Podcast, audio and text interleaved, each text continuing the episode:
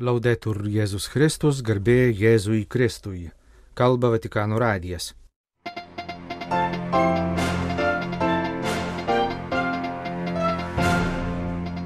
Popiežiaus audiencijos asumpcionistų kongregacijos atstovams ir rytų bažnyčias remiančio fondo nariams. Šventųjų skelbimo kongregacijos dekretai Fatimoje Dievo motina regėjusi sesuo Liucija paskelbta garbingąją Dievo tarnaitę. Penktadienį popiežius susitinka su menininkais, šeštadienį su Europos vyskupų konferencijų tarybos atstovais. Šventojo sosto diplomatijos vadovas dalyvavo Ukrainos atstatymo konferencijoje Londone.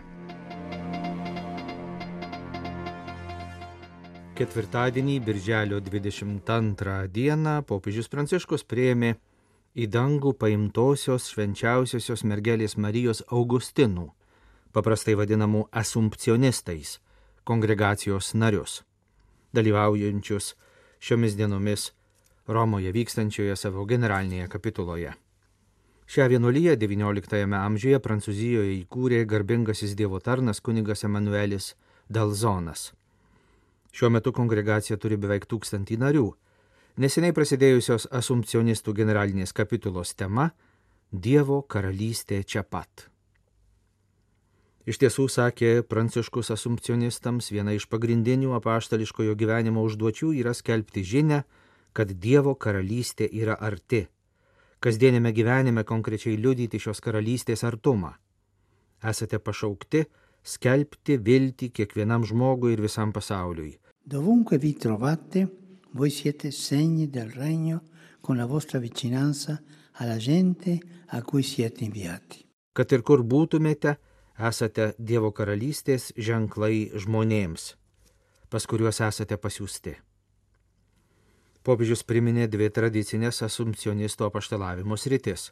Visų pirma, tai piligriminių kelionių organizavimas, ypač į Lurdo švenčiausiosios mergelės Marijos šventovę ir piligrimų palydėjimas.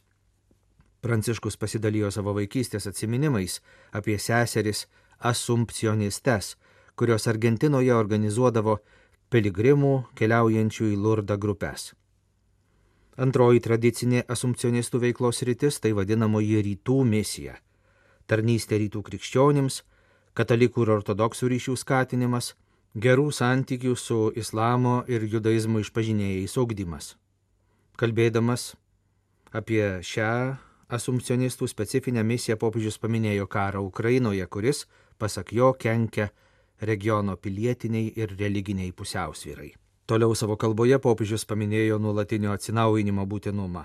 Jo reikalauja pasaulio, kuriame gyvename ir esame pašaukti liudyti, nuolatinė kaita.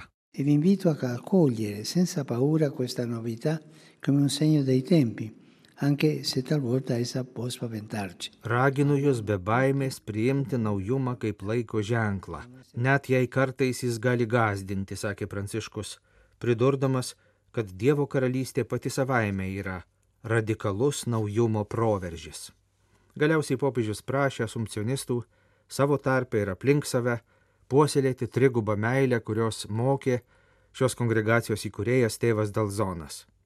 Mylėti Kristų, mylėti švenčiausią mergelę Mariją ir mylėti bažnyčią. Čia ir glūdi paslaptis, kaip būti ištikimiems savo pašaukimui ir rasti naujų būdų, kaip jį naujai įgyvendinti. Solidarus dosnumas dažnai yra vienintelis konkretus atsakas į neteisybę ir skausmą, kurie slegia daugybę žmonių. Ačiū Jums, draugai, kad įsipareigojote aktyviam solidarumui, kuris padeda užgydyti žaizdas ir yra tarsi švelnus prisilietimas prie kenčiančiųjų veido. Tai glamonė, kuri konfliktų gaudesyje sugražina viltį. Rašo popiežius Pranciškus, rytų bažnyčias remiančios asociacijos Ruako nariams įteiktoje kalboje. Popiežius Pranciškus Ruako asociacijos glaudžiai susijusios su rytų bažnyčių dikasterija generalinės asamblėjos narius prieėmė birželio 22-ąją, paskutinėje jų susitikimo dieną. Anot šventojo tėvo matome baisų kontrastą tarp tikrovės ir Dievo taikos, brolybės bei sutarimo sumanimo, kviečiančio ne kovoti vienas su kitu, bet visiems kartu su skurdu ir lygomis. Biblijoje kalbama apie Dievo taikos sumanimą, bet taip pat kalbama apie žmonės lydinti smurtą, apie brolį pakėlusi ranką prieš kitą brolį, apie nekaltųjų žūtį. Tai Kaino ir Abelio istorija. Vis tik jei Dievas baudžia Kainą, neleidžia nužudyti jo paties. Tai vienas iš pirmųjų teisingumo ir gailestingumo veiksmų. Mums krikščionėms dera įsiklausyti į Dievo, norinčio išgelbėti visus žodį. Į Ruako asamblėją buvo pakviesta keliolika jaunuolių iš įvairių kraštų. Pasak Pranciškaus, yra gera ir išmintinga juos išgirsti, juos įsiklausyti. Mili jaunuoliai, jūs gyvenate kraštuose, kuriuose bendrojo gėrio atkūrimas yra esminė išgyvenimo sąlyga. Būkite taikos sargybiniai visiems. Pranašai, svajojantis ir skelbintis kitokį, nepadalintą pasaulį. Parengtose pastabose rašo popiežius jauniems žmonėms iš rytų bažnyčių bendruomenių, kurie taip pat dalyvavo audiencijoje. Jis priminė, kad pirmasis krikščioniško elgesio šaltinis yra malda, kurioje mesgasi draugystė su Jėzumi, atidavusiu gyvybę už draugus. Jei nukryžiuota ir prisikėlusi meilė taps mūsų atspara, bus lengviau atsispirti ir norui išsiskirti, triumfuoti, praktikuoti demonstratyvų solidarumą, kad atrodytume gražus ir svarbus. Perverta Dievo širdis mus išlaisvina iš tokio labdaringumo, kuris labiau panašus į prekybą, iš gerumo biurokratijos ar dar blogiau priedangos politiniams interesams. Kryžius Aukščiausias Dievo įsitraukimas į žmonijos kančią krikščionėms, ypač jauniems, parodo autentiškumą, kurio jie ieško - drąsą liudyti, stiprybę nugalėti, visuotinį išplitusius individualizmą ir abejingumą, didina atjautą. Atjauta tai žodis, kuris mūsų tikėjimo širdis, nes parodo mums Dievo meilę, kuri priima ir įsitraukia į žmogaus kančią. Popiežius padėkojo Irako nariams, kurie leidžiasi į vairias kausmo išdžiovintas dykumas ir sėja vilties daigus. Vienus iš paskutinių iniciatyvų lietė Turkija ir Sirija, sukrestas didelio žemės drebėjimo. Jis vylėsi, kad ten gyvenantiems žmonėms duoti pažadai bus išpildyti. Popiežius taip pat padėkojo už didelę pagalbą pabėgėliais tapusiems ukrainiečiams krašto viduje ir už jo sienų. Norėčiau pasinaudoti ir šią progą paraginti visus nepristikti konkretaus artumo, maldos ir artimo meilės veiksmų artumo iškankintiems Ukrainos žmonėms, pažymi popiežius. Jis taip pat paminėjo Irako generalinės asamblėjos dėmesį šventajai žemiai, artimųjų rytų regionui, Iranui, Turkijai, Eritrėjai. Tegul didžiuliai žmogiški ir gamtos turtai, kuriais Dievas apdovanojo šias nuostabes teritorijas, būna vertinami ir suteikia ramybės jų gyventojams. Linkėjo popiežius Pranciškus.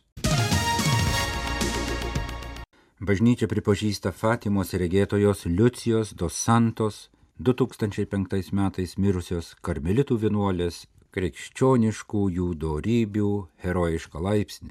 Todėl Dievo tarnaitė Liucija dos Santos nuo dabar vadinama garbingąją Apie naujus poslinkius Portugalės vienuolės kanoninėje byloje pranešta ketvirtadienį, birželio 22 dieną Vatikane.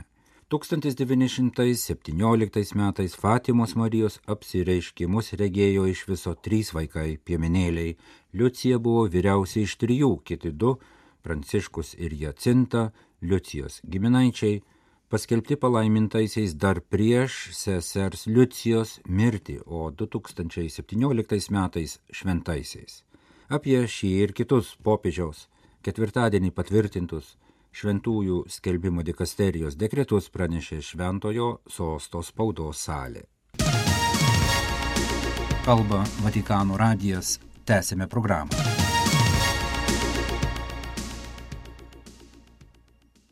Penktadienį popiežius susitinka su daugiau kaip 200 meno pasaulio atstovų, kuriuos į Vatikaną pakvietė Šventojo sosto kultūros ir ugdymo dikasterija. Popiežiaus audiencija skirta paminėti Vatikano muziejų modernaus ir šio laikinio meno kolekcijos inauguracijos 50-asias metinės. Šiuo renginiu norima pratesti popiežių susitikimų su menininkais tradiciją, pradedant 1964 m. istoriniu Pauliaus VI susitikimu su menininkais toje pačioje Siksto koplyčioje. Anuomet popiežius Paulius VI ištiesė menininkams draugystės ranką ir prašė menininkų draugauti su bažnyčia. Taip pat popiežius Pranciškus nori paliudyti ypatingą bažnyčios dėmesį viso pasaulio menininkams. Šventasis tėvas trokšta pagerbti menininkų darbą ir gyvenimą, iškeliant jų įnašą, kuriant priklausimo tai pačiai žmonėje jausmą ir ugdant bendras vertybės pažymima popiežiaus susitikimas su menininkais rengiančios Romos kurijos dikasterijos komunikate. Anot dikasterijos prefekto, reikia atnaujinti bažnyčios kaip menininkų draugės patirtį. Meno pasaulio atstovai domisi dabartinių laikų užduodamais klausimais tiek aktualiais, persunktais dramatiškumo, tiek tais, kurie tokie pranašiški, kad mums atskleidžia galimą naują ateitį. Jie rodo, kad yra pasirengę kalbėtis ir puoselėti abipusį supratimą, pažymėjo kardinolas Jose Tolentino de Mendonca dikasterijos prefektas. Į popiežiaus audienciją pakviesta 200 garsių tapytojų, skulptorių, architektų, rašytojų, poetų, muzikantų, dainininkų, režisierių ir aktorių iš 30 kraštų.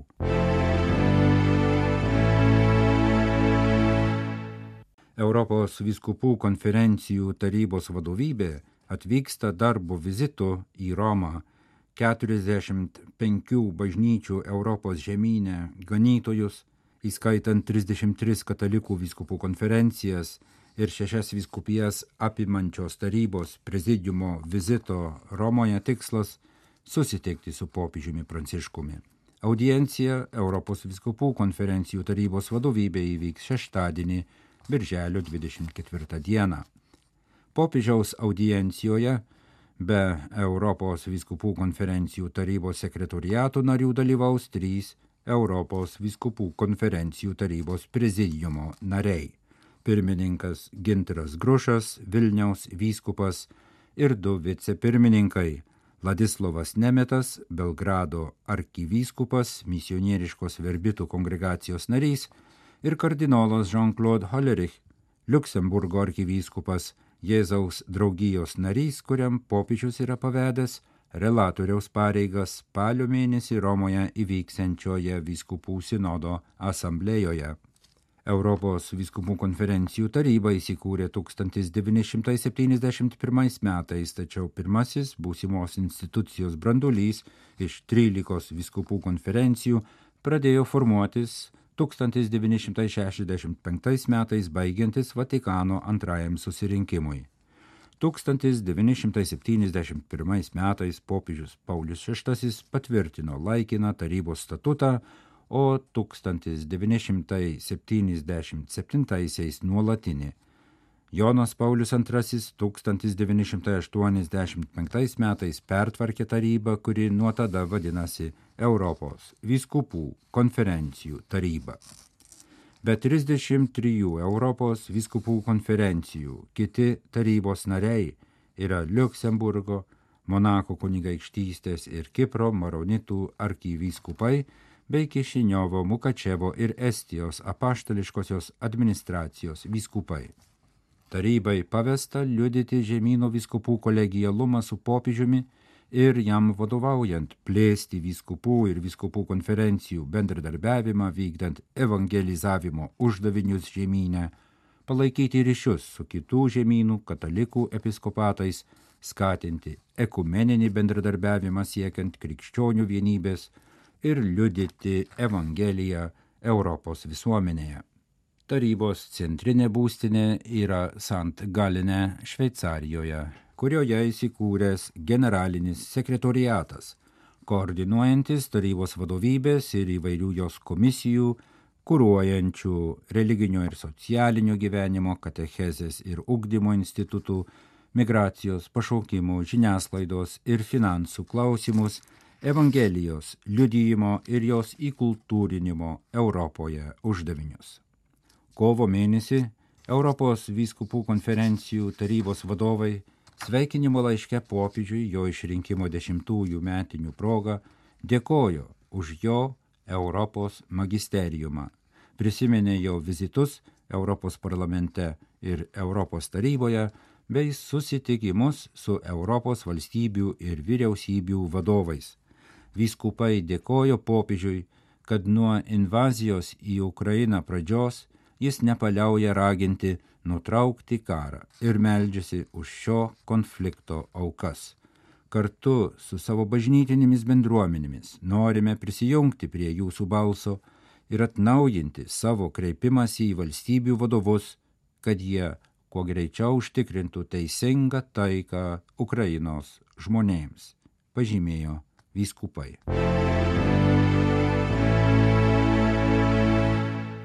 Šventojo sosto atstovas Ukrainos atstatymo konferencijoje išsakė susižavėjimą ukrainiečių didvyriškumu. Tiek tų, kurie gina savo tėvynę, tiek tų, kurie karo priversti išvykti sugrįžo ar žada sugrįžti, kad atstatytų kraštą. Polas Richardas Gallagheris reiškia vilti, kad konferencija Londone birželio 21-22 dienomis bus vilties ir solidarumo šaltinis ir mūsų nepajudinamo įsipareigojimo Ukrainos žmonėms liudijimas. Po 16 mėnesių nepaliaujamo karo kraštui padaryti nuostoliai didžiuliai. Sunku ne tik apskaičiuoti, bet net įsivaizduoti tikrąją destrukcijos apimti visuose ligmenyse. Tačiau anot arkivyskupo Polo Richardo Gallagherio, šventojo sosto diplomatijos vadovo, vienintelė šios tragiškos padėties tikrovė, kurios nepavyko palaužti, yra nenugalima ukrainiečių dvasia Tai paliudijo daugelis ukrainiečių, kurie atidėjo visus gyvenimo planus, kad pasišvestų ginti tėvynę, pažymėjo kalboje Londono konferencijoje Polas Richardas Gallagheris. Ukrainiečių atsparumas liudija, kad troškimas gyventi ir žadinti viltį yra stipresnis už bet kokį mirtį ir beviltiškumą sėjantį destruktyvų instinktą, nes gėris žmogaus širdies gelmise, nors dusinamas blogio, niekad negali būti visiškai sunaikintas ir yra pasirengęs vėl atgyti. Vatikano atstovas patikino, kad šalia materialinio atstatymo reikia padėti Ukrainai atsikurti dvasiškai, mat anot jo yra pavojus, kad tuo met, kai Ukrainos padangis daugiau neberažys rusų raketos, pradės proginėti karo žmonių širdyse pasėtos minos. Vyriausybės, tarptautinės organizacijos, pilietinė visuomenė ir geros valios žmonės yra pašaukti ekspertų darbu, ištekliais ir solidarumu remti pirmuosius atstatymo uždavinius - atstatyti infrastruktūras, ekonomiką, vykdyti ugdymo ir sveikatos apsaugos darbus. Tuo metu bažnyčios pašauktos padėti atkurti Ukrainos žmogiško, socialinio ir religinio rūbo audinį. Kartu galime padėti Ukrainos žmonėms įgyvendinti proveržį, būtiną šio žiauraus karo pasiekmėms įveikti, pasakė arkivyskupas Ukrainos atstatymo konferencijos dalyviams, primindamas popiežiaus pranciškaus žodžius, jog taikos atkūrimas yra ilgalaikis uždavinys, tam reikia užsidegimo, kantrybės, patirties ir atkaklumo.